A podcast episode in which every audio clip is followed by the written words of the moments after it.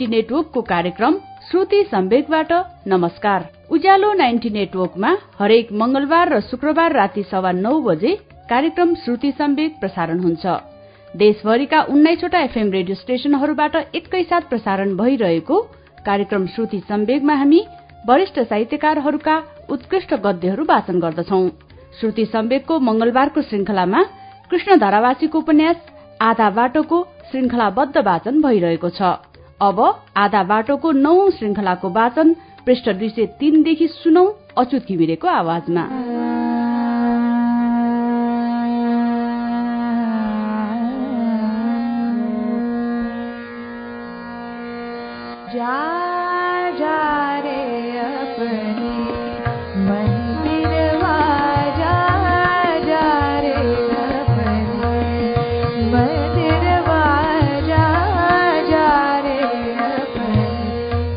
पढाइ पुरा गरी घर फर्किएर त आएँ तर पढाइ सक्नु नै ठूलो कुरा थिएन।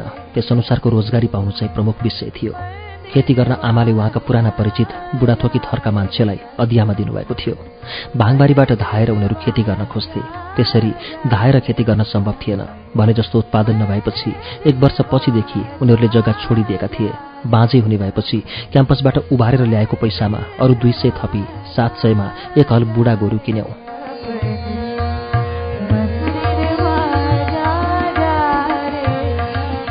म बिस्तारै बुढा गोरु जोत्न थालेँ। कहिल्यै हलोको अनौ पनि नसमातेको मलाई हलो जोत्न साह्रै गाह्रो भयो। सबैभन्दा गाह्रो त हलोको फालीलाई गोरुको खुट्टामा लाग्नबाट जोगाउनु हुँदो रहेछ। अझ लुडी पल्टाउन त साह्रै कठिन काम। हलो लुडी माथि माथि नै कुद्न खोज्थ्यो। बडा दुःखले त्यो वर्षको मकै छरे तर मबाट त्यत्रो दुई बिघा जमिन जोतिनु सम्भव थिएन। मैले हलो जोतेको देखेर आमा साह्रै पिरो लिनुहुन्थ्यो। म जस्तो दुब्लो र लुते छोराले जोतेर पाल्छ भन्ने उहाँलाई विश्वास नै थिएन। त्यसैले एक दिन एउटा सानो सानो तर झण्डै मेरै उमेरको चन्द्रबहादुर कार्की नाम गरेको केटो काम खोज्दै आइपुग्यो। ढुङ्गो खोज्दा देउता भेटे चाहिँ भयो। महिनाको पचास रुपियाँ र खाना लगाउन दिने शर्तमा एक वर्षका लागि हामीले उसलाई काममा राख्यौँ।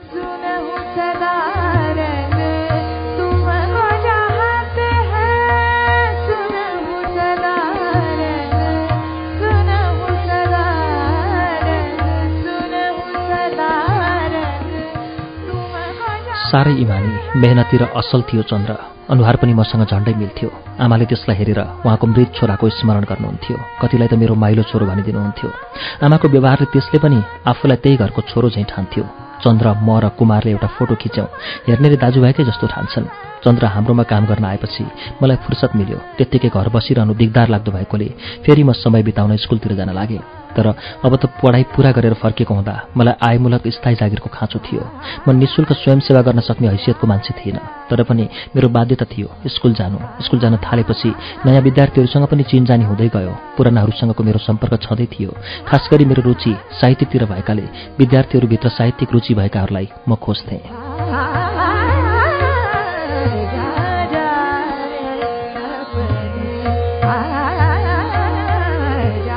विद्यालयमा म नियमित रूपमा जान्थेँ पढाउँथेँ फेरि पनि पुरानो ठाउँमा ट्युसन प्रारम्भ गरेको थिएँ।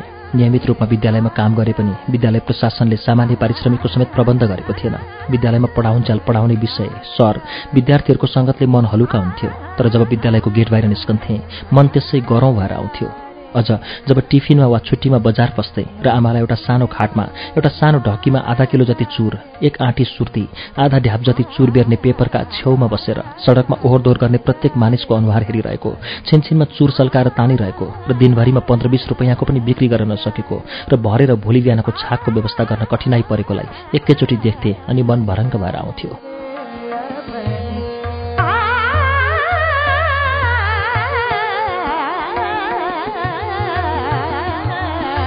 कक्षामा विद्यार्थीलाई नैतिक शिक्षा पढाएर निस्केको म आमाको छेउमा बसेर चुर सुर्ती बेच्ने गर्थेँ। कतिपय विद्यार्थीहरूलाई स्कुलबाट घर फर्किँदा चुर सुर्ती लिएर आउनु भनी आमाबाबुहरूले काम आएका हुन्थे। तिनीहरूमा आमासँग बसेका बेला परबाट अर्कैका दोकानबाट चुर सुर्ती किनेर लान्थे। त्यो देखेपछि म आमाको दोकानमा बस्न छोडेँ। शनिबार बाहेक अरू दिनमा आमाको दोकानमा बस्दिनथेँ। सधैँ स्कुल गएर पनि एक पैसा नलिई महिना बित्दा पनि कहिल्यै आमाले मेरो कमाई खोज्नु भएन। एक दिन त कसो तेरो जागिर नहोला भनेर बरु मलाई उल्टै सम्झाइरहनुहुन्थ्यो। मलाई भने त्यति पढिसकेपछि मास्टरी जागिर त जति पनि पाइन्छ जस्तो लागेको थियो तर त्यो कति टाढा रहेछ भन्ने भर्खर थाहा हुन थाल्यो।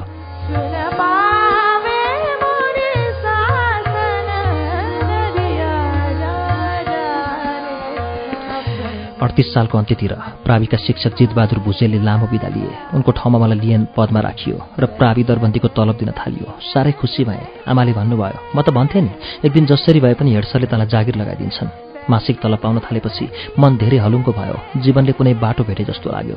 अप्ठ्यारो परे डाक्टर बा कुमार दाई र हेडसर छन् जस्तो लाग्थ्यो। अब त लियन नै भए पनि जागिर पाइसकेको थिएँ। हली राखेर खेती गरेको भए पनि खासै उत्पादन हुन सकेन। धान भनेपछि हिरिक्क भएका हामीले धान बाहेक अरू बाली लगाउने सोच्दा पनि सोचेनौँ र धान फलेन पनि। जग्गा दुई बिघा भए तापनि त्यसको चित्तबुझ्दो आम्दानी भने कहिले लिन सकिएन।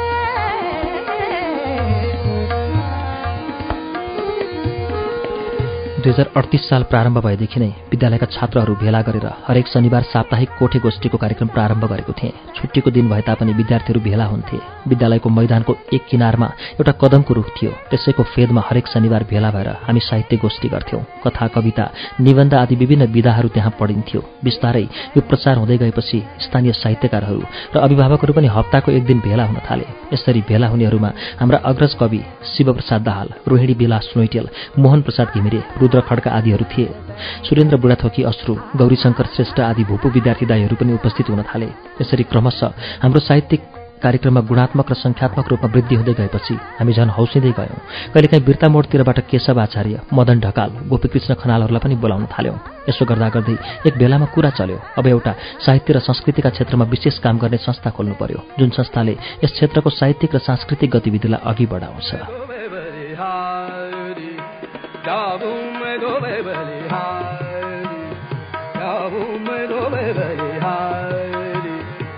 जाऊं मैं तो बेवरिया पौष महिनाको संस्थाको उद्घाटन गर्ने सोच बनायो दुई हजार अडतिस साल पौष सत्ताइस गतेका दिन संस्थाको उद्घाटन गर्ने तयारीमा जुट्यौँ सबैजना खुदुनाबारीमा आएर बसिरहेका बैरागी काइलालाई प्रमुख अतिथि बनाउनुपर्छ भन्ने प्रस्ताव दुर्गाले राखे हामी सबैले तुरन्तै त्यसलाई निर्णय गर्यौँ बैरागी काइलासँग सम्पर्क गर्ने जिम्मा दुर्गाले नै दिएपछि भोलिपल्ट उनले खबर लिएर आए बैरागी काइला पिताजीको वार्षिक शोकमा बस्नुभएको हुँदा प्रमुख अतिथि नबन्ने तर कार्यक्रममा चाहिँ आउने हुनुभएछ बैरागी काइला आउने भएपछि हामी धेरै उत्साहित भयौँ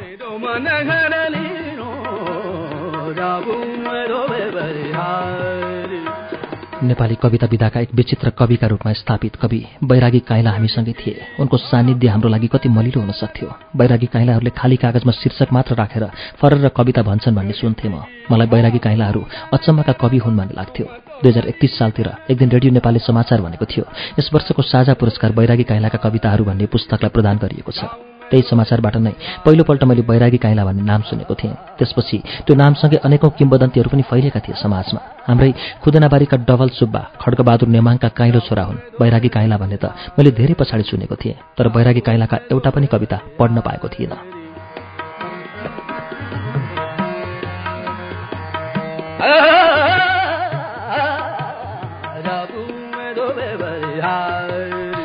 यसरी पहिले दुईपल्ट अप्रत्यक्ष रूपमा देखेको र भाषण सुनेको बैरागी काइला हाम्रो त्यस कार्यक्रमका विशेष आकर्षण बनेर जब तेस्रो आयामको बारेमा समयको लोभ नगरी व्याख्या गरिरहेका थिए सारा मानिसहरू लाटो जस्तो भएर एकहोरो सुनिरहेका थिए।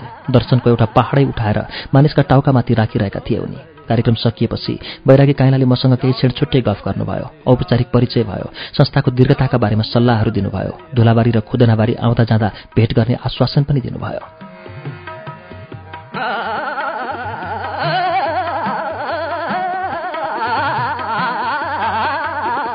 संस्थाको उद्घाटन भइसकेपछि अब हामी औपचारिक रूपमा जिम्मेवारी वहन गर्न बाध्य भएका थियौँ। शनिश्चरी चोक बजारमा एउटा आजको कविता शीर्षकको पाठी राखियो जसमा प्रत्येक दिन बिहान नयाँ कविताहरू टाँसिन्थे। यो सोच थियो गौरीशङ्कर श्रेष्ठको। सडक कविता क्रान्तिको निरन्तरताका लागि हामीले त्यो अभियानको प्रारम्भ गरेका थियौँ। यो कार्य शनिश्चरीका लागि मात्र होइन झापा जिल्लाकै लागि नयाँ थियो। पछि यसको प्रचार अन्यत्र पनि हुँदै गएपछि पत्र पत्रिकामा पढ्यौँ। यस्तै कविता टाँस्ने काम काठमाडौँ र पोखरामा पनि हुन थालेको थियो। दैनिक कविता टाँस्ने कामले बजारमा एउटा रौनक नै लिएर आयो। प्रत्येक बिहान मानिसहरूको आज कसको कविता रहेछ भनी पढ्न भिड लाग्थ्यो। दिन प्रतिदिन प्रतिस्पर्धात्मक रूपमा कविताहरू आउन थाले। त्यस पार्टीमा कविता टाँस्ने निरन्तरताको जिम्बा गौरी श्रेष्ठ र मैले लिएका थियौँ।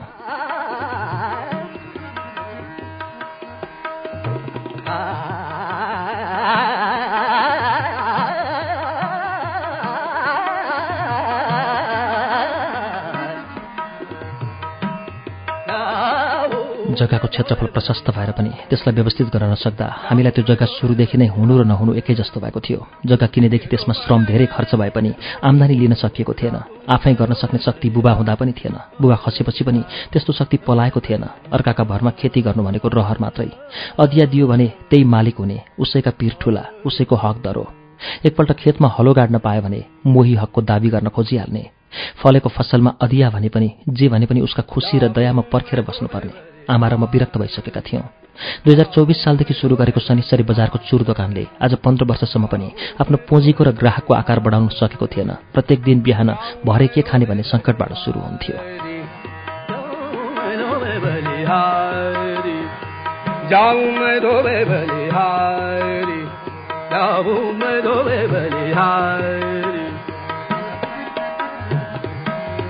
एकातिर उब्जनी छैन अर्कोतिर समाज छैन। हामीलाई अब सात पत्रेमा बस्नु साह्रै नै सकस भयो अनि एक दिन आमा र मैले सल्लाह गऱ्यौँ यो जग्गाबाट भने जस्तो आम्दानी पनि हुँदैन। डाँडो छ पानी कतैबाट लाग्दैन। कहिले खाना पनि पुग्दैन। बरु यसलाई बेचौँ र दुई बिघाको बदला एकै बिघा भए पनि पानी लाग्ने खेत किनौँ। हाम्रो सल्लाह तुरन्त मिल्यो। हामीले सल्लाह गऱ्यौँ सोह्र हजार रुपियाँ बिघा भन्नुपर्छ पन्ध्र दिए भने दिनुपर्छ।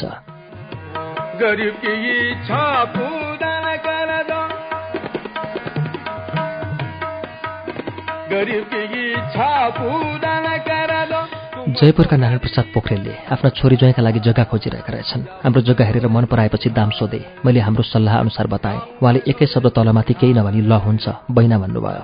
मैले भने बैना सेना चाहिँदैन एकैचोटि चुक्ता गरौँला। पहिला त जग्गा आमाको नाममा नामसारी गर्नु पर्यो र जग्गा अहिले नै पास भए पनि दुई महिनापछि मात्र छोड्ने। मेरा सबै कुरा उहाँहरूले मान्नुभयो। त्यति सजिलै जग्गा बिग्छ भन्ने आमा र मलाई लागेको थिएन। यो डाँडो प्याखर जग्गा।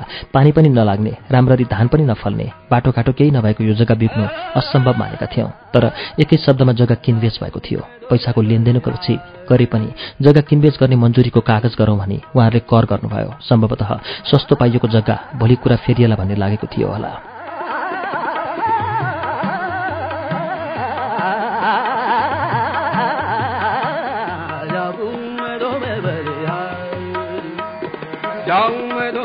सन्तलाल गट्टानीको गद्दीमा भेला भएर त्यहीँ बैनाबट्टाको कागज भयो। मैले पाउनुपर्ने पैसा मेरै अघि उहाँहरूले सन्तलाल गट्टानीलाई मेरो नाममा खाता खोली राख्न दिनुभयो। सात दिनभित्र पास गर्ने शर्त अनुसार बुबाको नामबाट आमाको नाममा धनी पूर्जा नामसारी गरी जग्गा बेचिदियौँ। जग्गा त हामीले उहाँहरूलाई पास गरिदियौँ तर पैसा भने हाम्रो हातमा परेन। सबै पैसा सन्तलाल गट्टानी कहाँ जम्मा गरिदिएर उहाँहरूले सन्तलाललाई भन्नुभयो यिनीहरूलाई तपाईँले पैसा नदिनु यिनीहरूलाई जग्गा बेच्ने मान्छे लिएर आएपछि त्यस मान्छेका हातमा पैसा हालिदिनु। अब हामीले हाम्रो जग्गा अर्काका नाममा राजीनामा गरिसकेका थियौँ। जग्गा बेचेको पैसा हामीलाई नदिई एउटा मारवाडीको जिम्मामा राखिदिएका छन्। त्यत्रो ठूलो निर्णय गर्न लाग्दा मैले डाक्टर बा कुमार दाई कसैलाई सोधिनँ। काम राम्रो भयो कि नराम्रो? अब जग्गा कता खोज्ने? मारवाडीले पैसा दिने हो कि होइन? अनेक शङ्का उपशङ्का र डर लाग्न थाल्यो।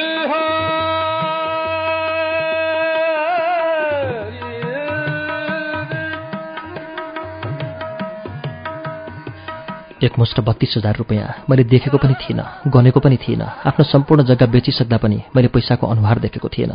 बेला बेला आमा र म डराउँथ्यौँ। आमालाई आफ्नै माइतीहरूको समेत विश्वास नभएकाले मारवाडीमाथि पनि शङ्का थियो। फेरि ती मारवाडीसँग हाम्रो कुनै पनि आर्थिक कारोबार त्यसअघि थिएन। तर शनिश्चर्यका एक पुराना भरपर्दा र विश्वासिला समाजसेवी व्यक्तिका रूपमा उनलाई सबैले कदर गर्थे। दुई हजार सात सालभन्दा अघिदेखि माथि फिक्कलबाट बसाइसरी आएर शनिश्चर्यलाई स्थायी वासस्थान बनाइ बसेका उनले शनिश्चरी बजारको व्यवस्थापनका साथै यस क्षेत्रमा स्कुल मठ मन्दिर आदि निर्माण गर्नमा ठूलै योगदान दिइआएका थिए।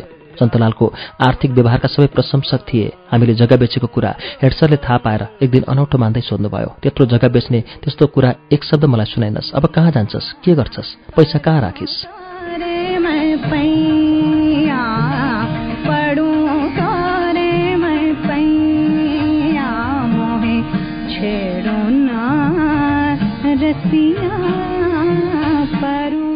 पैसा सन्तलाल कहाँ राखेको छ भन्दा साथ उहाँ सन्तुष्ट हुनुभयो। हामी जग्गा खोज्न थाल्यौँ। एकै बिघा भए पनि पानी लाग्ने धान फल्ने खेत हामीलाई चाहिएको थियो। तर जब जग्गा खोज्न थाल्यौँ अनि हामीलाई थाहा भयो हामीले त जग्गा कवाडीको दाममा बेचेका रहेछौँ जग्गा त किनिसक्नु रहेनछ। हाम्रो बत्तीस हजारले त एक बिघा जग्गा छेउछाउ कतै नआउने पो भइसकेको रहेछ। जग्गाको भाउ बिक्री बुझ्दै नबुझी हामीले त्यत्तिकै फ्याट्ट दाम राखेर साह्रै ठुलो भुल गरिसकेका थियौँ।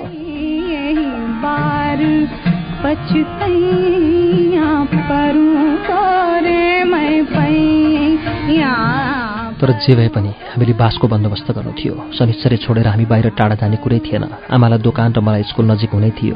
बजार वरिपरि हाम्रो पैसा कतै नबेक्ने भयो। पाइएको दुई महिनाको म्याद सकिन लागेको र बर्खा सुरु हुन थालेकाले बस्ने टुङ्गो त गर्नै पर्ने थियो। घर बनाउनु थियो सामग्री जुटाउनु थियो। भनेको जस्तो ठाउँमा जग्गा नभेटेपछि बस्दै गर्न पहिला एउटा घरभित्ताको बन्दोबस्त गर्नुपर्ने सूची बाह्र हजारमा सिनेमा हल छेउमा एउटा सानो भुइँटाँडे फुसको घर र तीन कट्ठा भिट्टा किन्यौँ। जग्गा र घर किनेपछि बेच्नेलाई पनि साथै लिएर सन्तलाल कहाँ गई? चौध हजार रुपियाँ निकाल्यौँ। चौध हजार मध्ये कति कति पैसा केमा खर्च गर्ने भन्ने योजना नबताई उनले पैसा दिएनन्। उनी सन्तुष्ट भएपछि हामीले बाह्र हजार रुपियाँ जग्गा बेच्नेलाई त्यही जिम्मा लगाई पास गर्न चन्द्रगढी झऱ्यौँ।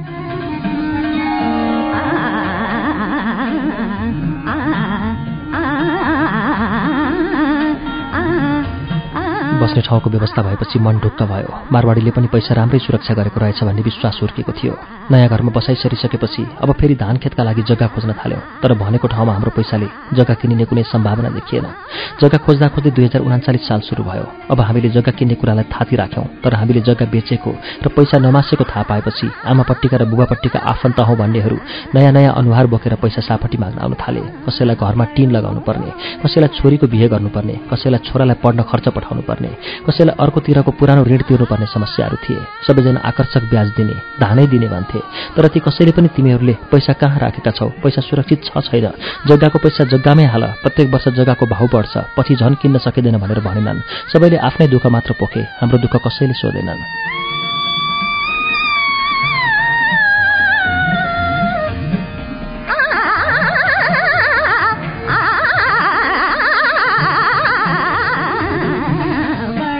त्यसैले बिनाजुसँग समेत सरसल्लाह गरी एक ठाउँमा ब्याज मरौनीमा तेह्र हजारमा चौध कट्ठा जमिन लियौँ। बाँकी सात हजार रुपियाँ बिनाजुले नै चलाउनु भयो जग्गा ब्याज मरौनीमा त लियौँ तर अब फेरि खेती कसले कसरी गर्ने? गोरु हली खोइ। जग्गा लिनै पर्छ भन्ने मानसिकताले जग्गा लियौँ तर लिइसकेपछि फेरि छक्क पर्यो। अब कसले खेती गर्छ? अनि त्यो ब्याज मराउने जग्गा फेरि कर्कालाई अधिया दियौँ। हामी आफैलाई आफ्नो मूर्खताको ज्ञान भयो। यसरी सातपत्रेको दुई बिघा जग्गा बेचेको पैसालाई त्यो वर्षको लागि ठेगान लगायौँ। सबै पैसा तह लगाइसकेपछि मात्र एक दिन मैले डाक्टर बालाई जग्गा बेचेको कुरा सुनाएँ। पहिला त उहाँ झस्कनु भयो मैले पहिले यो कुरा सुनाउनु पर्थ्यो तर जग्गा बेच्न दिनुहुन्न होला भन्ने डरले नै त्यो कुरा नसुराएको थिएँ। अनि मैले जग्गा बेच्नुपर्ने सबै कारणहरू त्यसबाट आएको पैसाको व्यवस्थीकरणका बारेमा बताएपछि उहाँ सन्तुष्ट हुनुभयो। डाक्टर बालाई सन्तुष्ट गर्न सकेकोमा म आफै हर्षित भएँ।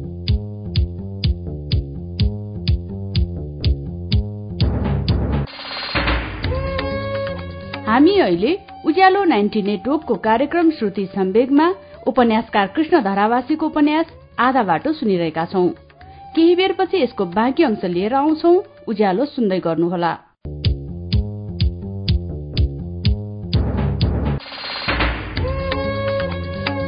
कार्यक्रम श्रुति सम्वेक तपाई अहिले उज्यालो नाइन्टी नेटवर्क काठमाडौँसँगै इलाम एफएम झापाको एफएम मेचिट्युन्स बर्दिवासको रेडियो दर्पण दोलखाको कालिन्चोक एफएम वीरगंजको नारायणी एफएम हेटौडा एफएम चितवनको रेडियो त्रिवेणीमा सुनिरहनु भएको छ।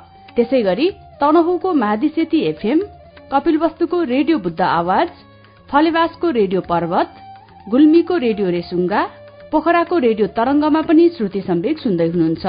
अनि रेडियो प्युठान दाङको रेडियो मध्यपश्चिम भेरीको रेडियो कोहलपुर सल्यानको रेडियो राप्ती सुर्खेतको रेडियो भेरी र जुम्लाको रेडियो कर्णालीबाट पनि अहिले एकैसाथ श्रुति सम्वेक प्रसारण भइरहेको छ। श्रुति सम्वेकको आजको श्रृंखलामा हामी कृष्ण धारावासीको उपन्यास आधा बाटो सुन्दैछौ। उपन्यासको बाँकी अंश अब सुनौ।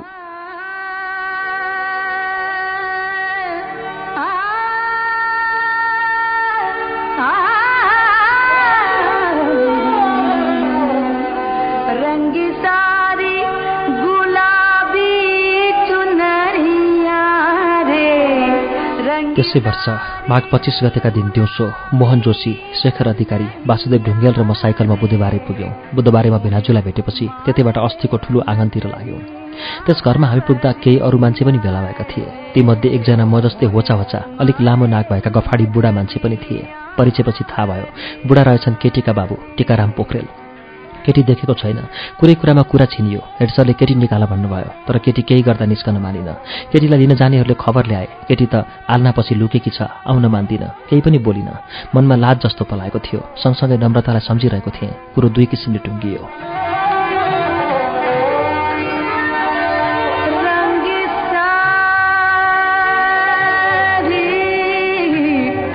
मेरो विवाह हुने नै भयो र दुईमा विवाह आउँदो फागुन छ गते शनिबारको लगनमा हुने भयो। मलाई त्यहीँ छोडेर जोशी सर र वासुदाई फर्किए। शेखर दाई र म बस्यौँ। भोलिपल्ट बिहान केटीका बाबुले हामीलाई पछि लगाएर उहाँकै सम्धि कहाँ लिएर जानुभयो? उहाँको सम्धि राम्रो ज्योतिषी भएकाले त्यहीँ लगेर मन्त्रतन्त्र पाठ गर्दै मेरो हातमा जने सुपारी राखिदिए। जने सुपारी गोजीमा हालेर म र शेखर दाई घर फर्क्यौँ। दस दिनभित्र विवाह गर्नुपर्ने भयो। पैसाको अत्तो पत्तो छैन। विद्यालयबाट केही रकम पेस्की निकाले। भिनाजुले चलाउनु भएको सात हजार रुपियाँ भेला भयो। बिहेको तयारीमा जुटियो। सबैभन्दा पहिला सुन किन्न भनी आमा भिनाजु र म गयौँ। त्यसबेला दुई नम्बरी सुन अठाइस सय रुपियाँ तोला थियो। सुनारका रेडिमेड दुई नम्बरी सुनका गहना छान्यौँ। कपालमा लगाउने क्लिप दुई थान कानमा लगाउने लुर्का दुई थान तिलहरी एक थान औँठी एक थान फुली एक थान गरी जम्मा पाँच खालका गहना छानेर जोख्दा चौध आना भयो। बेहुली पहेलै हुने परिन्। हतार हतार लुगाफाटा खानेकुरा आदि किनियो। व्रतबन्ध गर्ने काम बाँकी नै थियो। विवाहको अघिल्लो दिन व्रतबन्ध गरियो।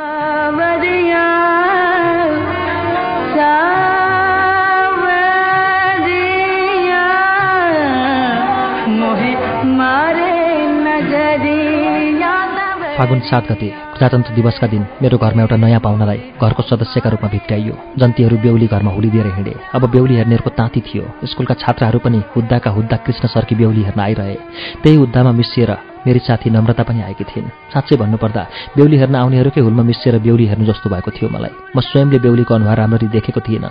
त्यही रात अगेनामा बत्ती सल्काउन निहुरिँदा देखिएको नाक मात्र सबुत थियो। कुरा छिन्न जाँदा पनि देखिएको थिएन। बिहेको जग्गामा बेहुलीको अनुहार देखिने कुरै आएन। वास्तवमा म पनि कता कताबाट कामको व्यस्तताभित्र मिसिए जस्तो गर्दै बेहुलीको अनुहार हेरिरहेको थिएँ। आज सम्झँदा अचम्म लाग्छ। हिजो अस्ति चालिस सालमा पनि बिहे गर्न केटा र केटीले हेराहेर गरिरहनु जरुरी मानिएन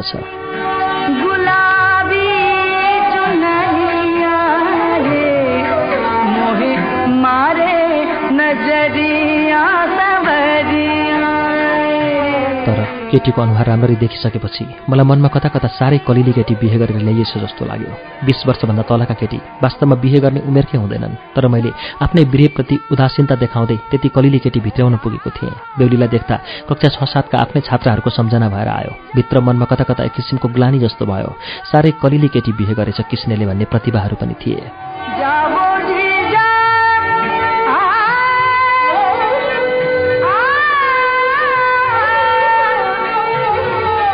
बिहे गर्नुपर्ने कुरो उठेपछि बिहे सम्बन्धी मेरो एउटा प्रस्ताव चाहिँ थियो। मैले बिनाजुलाई भनेको थिएँ केटी साधारण पढे लेखेकी भए हुन्छ। मलाई घर चलाउने केटी चाहिन्छ। जागिर खाने होइन। आमा हुनुहुन्छ। साना भाइ बहिनीहरू छन्। तिनीहरूलाई सहयोग गर्ने केटी भए हुन्छ। पढेकी केटीलाई जागिर कहाँ लगेर खुवाउनु? आफ्नै जागिरको टुङ्गो छैन।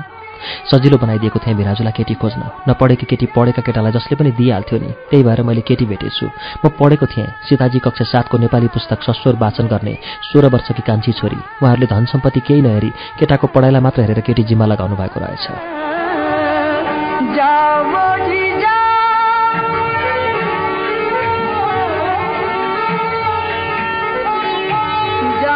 बिहे गरेर बेहुली त भित्राइयो दुई चार दिन बिहेकै लागि जोरजाम गरेको कुराले पूर्ति पार्ती गर्यो तर त्यो सकिएपछि भने फेरि पुग्यो। एक किलो चामल र आठ आनाको चिनी किन्ने औकातमा। नुन तेल चामल तरकारी साबुन आदि कुराहरूको पनि घरमा अभाव हुन्छ भन्ने नजानेकी नयाँ दुलाई कति बेला चामल आउँछ बजारबाट भनेर पर्खन घरमा थालिन्। घरका हामीहरू बिचमा त यो नयाँ कुरा थिएन। बानी परेको कुरो थियो। तर नयाँ बेहुलीका अघि साँझै पछि कुदेर गएर एक केजी चामल किन्ने अवस्था मेरा लागि साह्रै लाजमर्दो थियो। हिंता बोध थपिँदै थियो मलाई। धनी परिवारकी छोरी बिहे गरेकोमा पीडा भइरहेको हुन्थ्यो मलाई।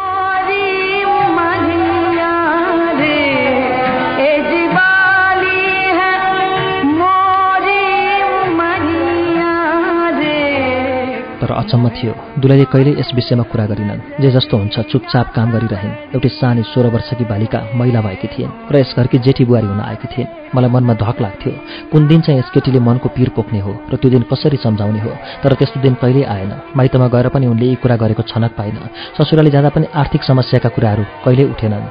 महलबाट फुटपाथमा आएकी त्यस केटीले मेरो जीवनमा नसोचेको परिवर्तन लिएर आई। घर परिभित्र र छरछिमेकमा सबै खुसी थिए। आफन्तहरू पनि प्रसन्न थिए।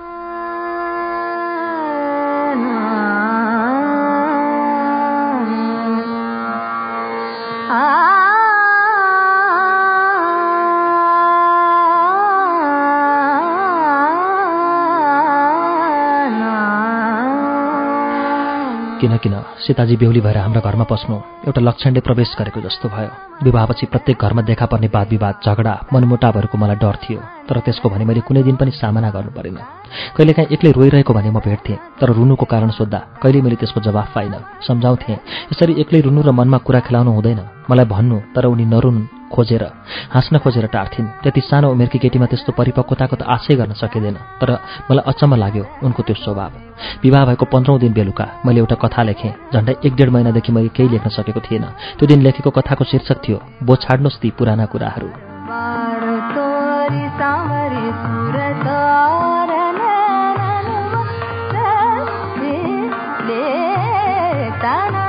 मैले सीताजीलाई त्यो कथा पढेर सुनाएँ कथा सुनेर उनी मसँग नराम्रो गरी रिसाइन् रोइन् पनि मैले उनलाई कति सम्झाउन खोज्दा पनि सम्झाउन सकिनँ। त्यो कथामा विवाहित एउटी युवती आफ्ना छोराछोरी नभएको कारण देखाई। अर्को एउटा बुढो मान्छेसँग पहिलो गएको र पछि पछुताएको प्रसङ्ग छ। कथाको प्रस्तुति आत्मपरक छ। त्यस आत्मपरकताले उनलाई आफ्नै बारेमा लेखिदिए जस्तो लागेछ। कलिलो दिमागमा परेको त्यो छाप धेरै दिनसम्म रह्यो। तर म निरन्तर लेखिरहने अनेक थोक लेखिरहने आत्मपरकताको शैली नै मेरो प्रमुख शैली भएकाले पछि उनले बुझ्दै गइन्। पछि त उनीले थिमहरू दिने विचार दिने आइडिया दिने गर्न थालिन्। लेखेको रचना उनलाई सुनाउनै पर्ने बुझाउनै पर्ने हुन थाल्यो।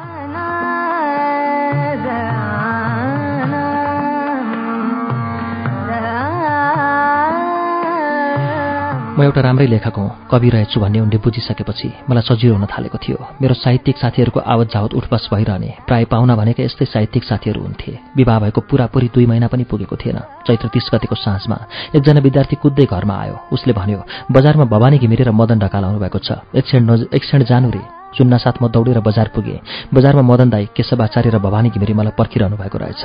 म पुग्नासाथ भवानी दाईले भन्नुभयो लौ धरावासी भाइ नयाँ दुलैको हातको खाना खाने कार्यक्रम छ आज हाम्रो। धेरै केही गर्नु पर्दैन। यसो भुलुक्क गुन्द्रुको माल्ने टमाटरको पिरो अचार चट्ट भातको टुप्पामा राख्ने हामी यसो एक क्षण सानो सांस्कृतिक कार्यक्रममा भाग लिएर आउँछौँ। बुहारीलाई हाम्रो आगमनको सूचना पुगोस्।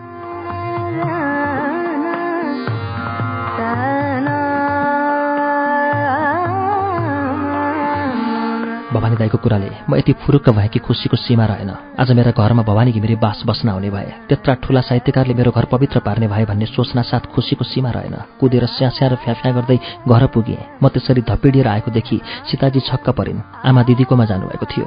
टिका पनि आमासँगै गएकी थिए। घरमा भाइ म र सीताजी मात्रै थियौँ। यो सानी केटीले पाउनलाई आज कसरी सन्तुष्ट गर्ली भन्ने पीर पनि थियो। अर्को समस्या ऊ प्रणामीकी छोरी। मासु खाने त बनाएको तर अन्डा भनेपछि ऊ घिनाउँथे आफैले अन्डा ल्याएर तारे। गेडागुडीको दाल पकाइयो कोपी र साग छँदै थियो दुध पनि थियो मेजमान पुग्ला भन्ने सोचे।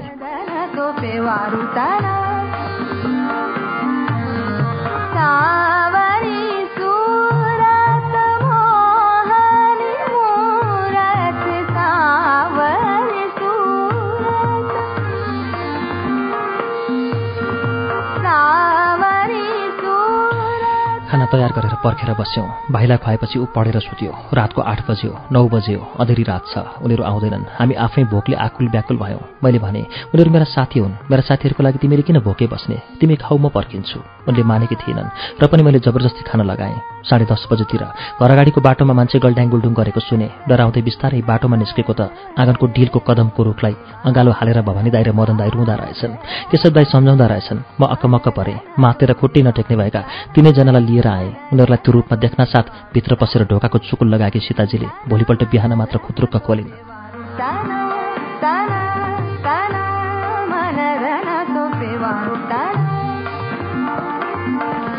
मैले सबैलाई कोठामा लगेर राखेँ। अडिने अवस्थामा कोही थिएनन्। जबरजस्ती थोरै थोरै खाना खाएँ। थालमै चुठे र त्यत्तिकै खाटमा पर्ल्याक पुर्लुक ढाले। श्रीमतीलाई त्यत्रो सान दिएर फुर्ती देखाएर कत्र कत्र महान मान्छे आउँदैछन् भनेर गफ दिएको। मेरो त घरभित्रै हरिबिजोग भयो। भोलिपल्ट बिहान सबै ठिक अवस्थामा बिउजेका थिए। कति बेला आइयो के खाइयो के गरियो त्यसको होस कसैलाई थिएन। बिहान रमाइलो गफकाफ भए। बेलुकाको बदला बिहान। उहाँहरूले सीताजीलाई केही प्रभाव पार्न सक्नुभयो। त्यो दिन दुई हजार एकचालिस साल वैशाख एक गते बिहान थियो। स्कुलमा वार्षिकोत्सवको उद्घाटनको दिन र त्यसै कार्यक्रमका लागि उहाँहरू आउनुभएको थियो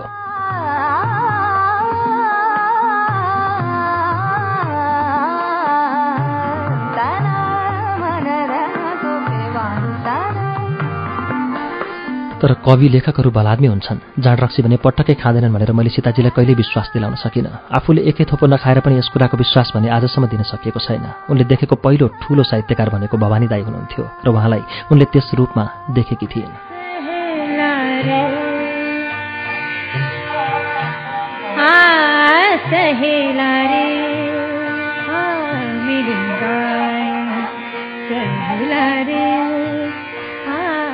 आमाको जागिरको अझै कुनै भर थिएन। शिक्षा आयोगमा प्रत्येकपल्ट फेल भइरहेको थिएँ। आफ्नो जानकारीमा आएका जहाँ जहाँ र जे जेमा विज्ञापन खोले पनि फारम भर्न थालेँ। अब मलाई पहिला जस्तो सजिलो थिएन। म विवाहित थिएँ।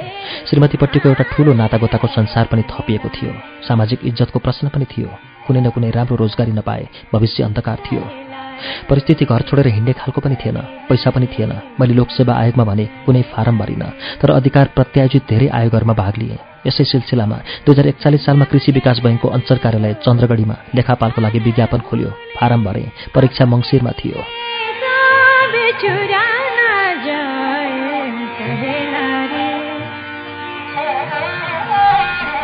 संयोगै भन्नु पर्यो कृषि विकास बैङ्कको परीक्षा र बहिनी टिकाको विवाह एकै दिन पर्यो। विवाह माईको मन्दिरमा दिउँसोको लगनमा गरी निधो भएको थियो। म बडा धर्म सङ्कटमा परेँ। बहिनीको विवाह छोड्न नहुने। बैङ्कको परीक्षा पनि छोड्न मन थिएन निकै दिनसम्म मलाई द्वन्द्व भइरह्यो अनि आमालाई सोधेँ। आमाले भन्नुभयो तलबाट साइला काका आइहाल्नुहुन्छ। बिहेको कार्य हुँदै गर्छ त परीक्षा दिएर आइपुग्नु। कति सजिलै आमाले निर्णय दिनुभएको थियो। बिहेका लागि आवश्यक सबै सरसामान र मानिसहरूलाई दुईवटा जीपमा राखेर माइतिर पठाएँ। बिर्ता मोडमा उत्रिएर म भद्रपुरतिर लागेँ। एघार बजीदेखिको परीक्षा थियो। साह्रै हतार हतार लेखेर दुई बजे म मेची क्याम्पसबाट बाहिर निस्केँ।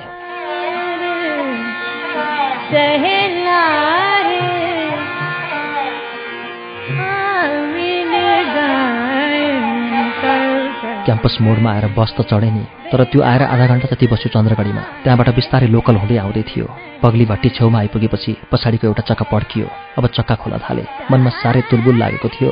ठिक यस्तै बेलामा उँधोबाट एउटा ट्याक्सी आयो। त्यसैमा चढेर बिर्ता मोडसम्म आएँ। हतार हतार एउटा बस चढेँ। नन स्टप एक्सप्रेस रहेछ। गैडीमा रोक्दिनँ यहीँ उत्रिनुहोस् भनेर सुरुङ्गामै ओह्रालिदियो साह्रै धपेडीका साथ सुरुङ्गाबाट हिँडेर माईपारीको मन्दिरमा पुगेँ। म त्यहाँ पुग्दा बेहुली अन्माउन आँटेका रहेछन्। हतार हतार गोडा धोएँ।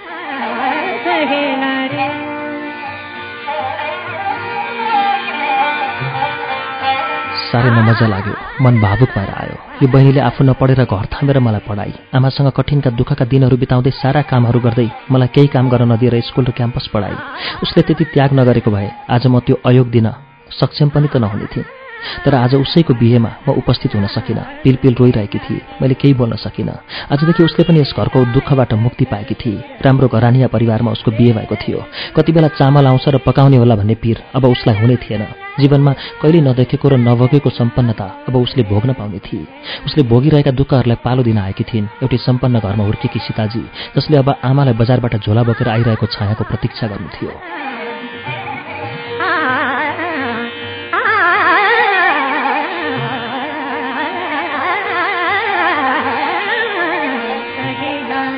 त्यस्तो दुःख गरेर दिएको कृषि बैङ्कको आयोगमा म अनि म फेल भएँ। पहिला पहिला मलाई आफ्नो क्षमतामा गौरव थियो। म निकै जान्दछु जस्तो लाग्थ्यो। तर जहाँ परीक्षा थियो त्यहीँ फेल मात्र हुन थालेपछि अब आफैमाथि विश्वास हुन छोडेको थियो कि अब म केही पनि जान्दिनँ हो जस्तो लाग्न थाल्यो।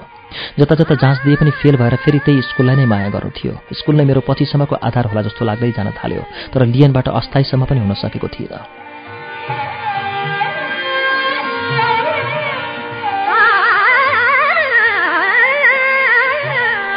एकपल्ट फेरि कृषि विकास ब्याङ्कले लेखापाल पदको लागि आयोग खोल्यो।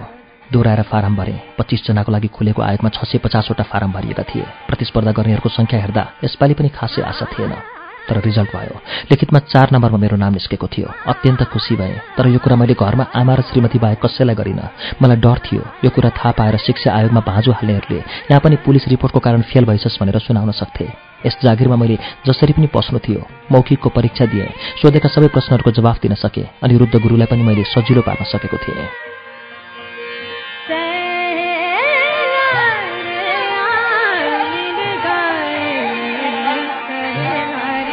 दुई हजार त्रिचालिस सालको राष्ट्रिय पञ्चायतको चुनाव हुनुअघि नगेन्द्र प्रसाद रिजालको चुनावी सरकार गठन भएको बेला थियो।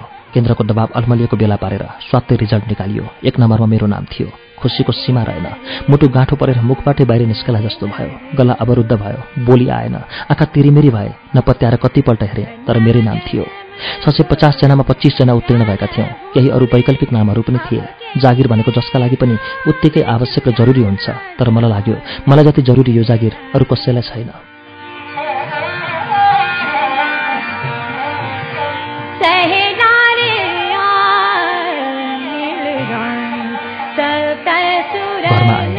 सबैलाई बताएँ घरमा दसैँ सम्पन्नताभित्रको चाड आए चाहिँ खुसियाली मचियो सबको अनुहारमा चमक देखियो। हेड सर विदेशबाट फर्किएपछि मलाई ढुक्क लागेको थियो। बैङ्कमा नियुक्ति लिने अन्तिम मिति दुई हजार त्रिचालिस असार दुई गते थियो। सूचनामा स्पष्ट उल्लेख गरेको थियो। अन्य कार्यालयमा कार्यरत कर्मचारीले त्यो कार्यालयबाट राजीनामा स्वीकृत गरेको जानकारी पत्रसहित आउनुपर्ने। मैले सबै सरहरूका बीच आफूले कृषि विकास बैङ्कमा आयोग उत्तीर्ण गरेको र अब नयाँ नियुक्ति लिन असार दुई गते जानुपर्ने सार्वजनिक गरेँ। मेरो कुरा सुनेर सबैजना एकैसाथ आश्चर्यचकित ढङ्गले खुसी भए। मेहनतको फल मिठो हुन्छ कसैले भने धैर्य गर्न तिमीबाट सिक्नुपर्छ कसैले भने ढिलै भो छोरो भो कसैले भने। अर्थात् प्रसन्न नहुने कोही थिएन। धेरै नै प्रसन्नता व्यक्त गर्नेमा छत्रमणि ढकाल गङ्गा जोशी र सरोज ओली थिए। उहाँहरू सबैले खुसी व्यक्त गरेकोबाट मलाई ठूलो काम हुन सकेछ जस्तो अनुभव भयो।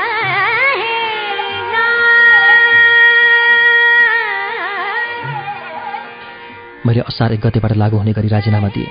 सरहरूले अहिले किन राजीनामा दिने? उता हाजिर भएर पछि आएर दिए पनि हुन्छ भने तर मैले बैङ्कले राखेका शर्त उल्लेख गरेपछि सबै चुप भए। मैले बैङ्कमा उत्तीर्ण गरेको कुरा सुनेर सुरुमा हेडसर पनि अरू सरहरू जनै खुसी देखिनु भए पनि बिस्तारै उहाँमा भने अनौठो खाले परिवर्तन देखिन थाल्यो।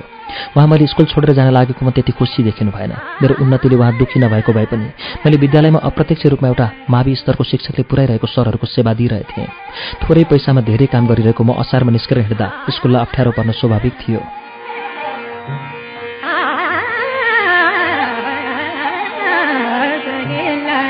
मैले सात वर्ष काम गर्दा सञ्चित विधा जम्मा छब्बिस दिन मात्र बाँकी थियो। सबै सरहरू भन्थे सञ्चित विधाको विधा नलिएमा पैसा पाइन्छ। म अस्थायी शिक्षक प्रत्येक महिना तलब थाप्यो सकियो। मैले जागिर छोडेर हिँड्दा विद्यालयबाट अतिरिक्त पाउने भनेको त्यही सञ्चित विधाको पैसा थियो। तर त्यो पैसा दिन मिल्दैन भनेर हेड सरले दिनु भएन मलाई पैसाको साह्रै नै लोभ त थिएन। हेड सरले जे जसो गरे पनि। उहाँले म प्रति गरेको सहयोगले नै जित्थ्यो तर स्कुलबाट सदाका लागि विदा लिएर हिँडिरहेको मसँग दुई सय रुपियाँ पनि गोजीमा थिएन। त्यो छब्बिस दिनको विदाको पैसाले नयाँ जागिरमा केही दिन पकेट खर्चको व्यवस्था हुन सक्थ्यो।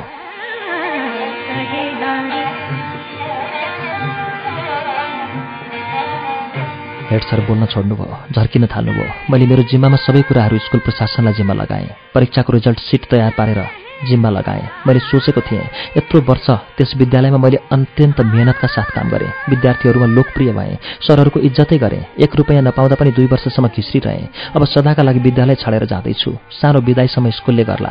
विद्यार्थीहरूले थाहा पाउलान् धरावासी सर स्कुल छोडेर गए भन्ने। तर मेरो कल्पना भुस भयो।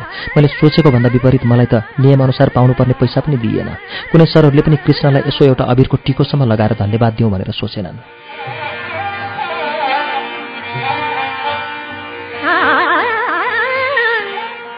असार दुई गते मैले नियुक्ति पत्र लिन चन्द्रगढी पुग्नुपर्ने। असार एक गतेसम्म मेरो राजीनामा स्वीकृति अर्थात् मेरो विदायको कुनै चालचुल छैन। अघिल्लो दिन हेडसरसँग डराइ डराई कुरा गर्दा ल भोलि तेरो सब काम हुन्छ भन्नुभएको थियो। तर भोलिपल्ट असार एक गतेका दिन हेडसर स्कुल आउनु भएन। मलाई साह्रै दुःख लाग्यो। मैले सहायक प्रधानाध्यापक अनिल प्रसाद मण्डललाई भेटेँ। उहाँले ठिकै छ म तिमीलाई बिदा दिन्छु भने स्कुलसँग लिनु दिनु केही बाँकी नरहेको फरक फरक पत्र दिनुभयो। त्यो पत्रलाई गोजीमा हालेर बाहिर निस्के। चौरभरि भुराहरू खेलिरहेका थिए। कक्षा कोठाहरूमा विद्यार्थी सदा झैँ पढिरहेका र सरहरू पढाइरहेका थिए। उत्तरतिर टाढामा पहाड उज्यालो हरियो देखिन्थ्यो। असारको दिनमा पनि आँखाभरि खाँदिँदै स्मरणका दृश्यहरू जङ्गल झैँ उभिए। दुई हजार पच्चिस सालमा एउटा हाफ पेन्ट सर्ट र खाली खुट्टा कालोपाटी लिएर पहिलोपल्ट यस चौरमा प्रवेश गरेको म। अब निस्केर जाँदै थिएँ चोर जस्तै लुसुक्क भागेर।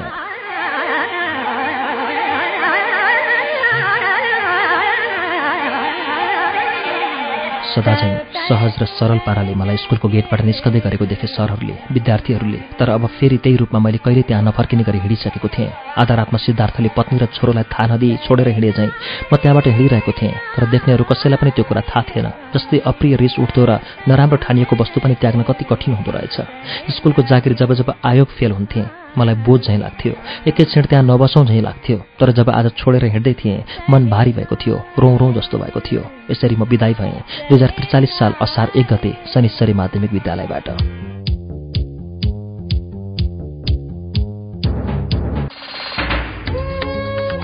कार्यक्रम श्रुति सम्वेगमा भर्खरै वाचन भयो कृष्ण धरावासीको नयाँ उपन्यास आधा बाटो। आज नौ श्रृंखलामा पुग्दा लेखकले आफ्नो जग्गा सस्तोमा बेचेको प्रसंग आयो। त्यसै गरी अर्को जग्गा किन्न परेको समस्या लेखकले सीताजीसँग बिहा गरेको प्रसंग साथै साहित्यकारहरूको संगतबारे गर्व गर्दा सामना गर्नु परेको एउटा रमाइलो प्रसंग पनि आज हामीले सुन्यौं। स्कूल छोड्दा लागेको दुःख र कृषि विकास बैंकको जागिर पाएको प्रसंगमा पुगेर आज पृष्ठ चौतिसमा वाचन रोकिएको छ। बाँकी प्रसंग अर्को श्रृंखलामा आउने नै छन्। आधा बाटो सुनिरहँदा तपाई धेरैले यसबारे आफ्ना जिज्ञासाहरू राखिरहनु भएको छ। तिनै जिज्ञासाहरू पूरा गर्न हामी चाँडै नै लेखक कृष्ण धरावासीसँगको कुराकानी मंगलबारकै श्रुति सम्वेगमा प्रसारण गर्नेछौं।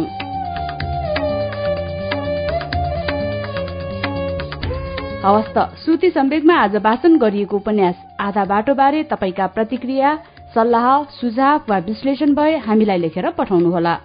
हाम्रो ठेगाना हो कार्यक्रम Shruti Sambeg post box number छ चार छ नौ काठमाडौँ। अथवा इमेल ठेगाना हो। S H R U T I at UNN dot com dot NP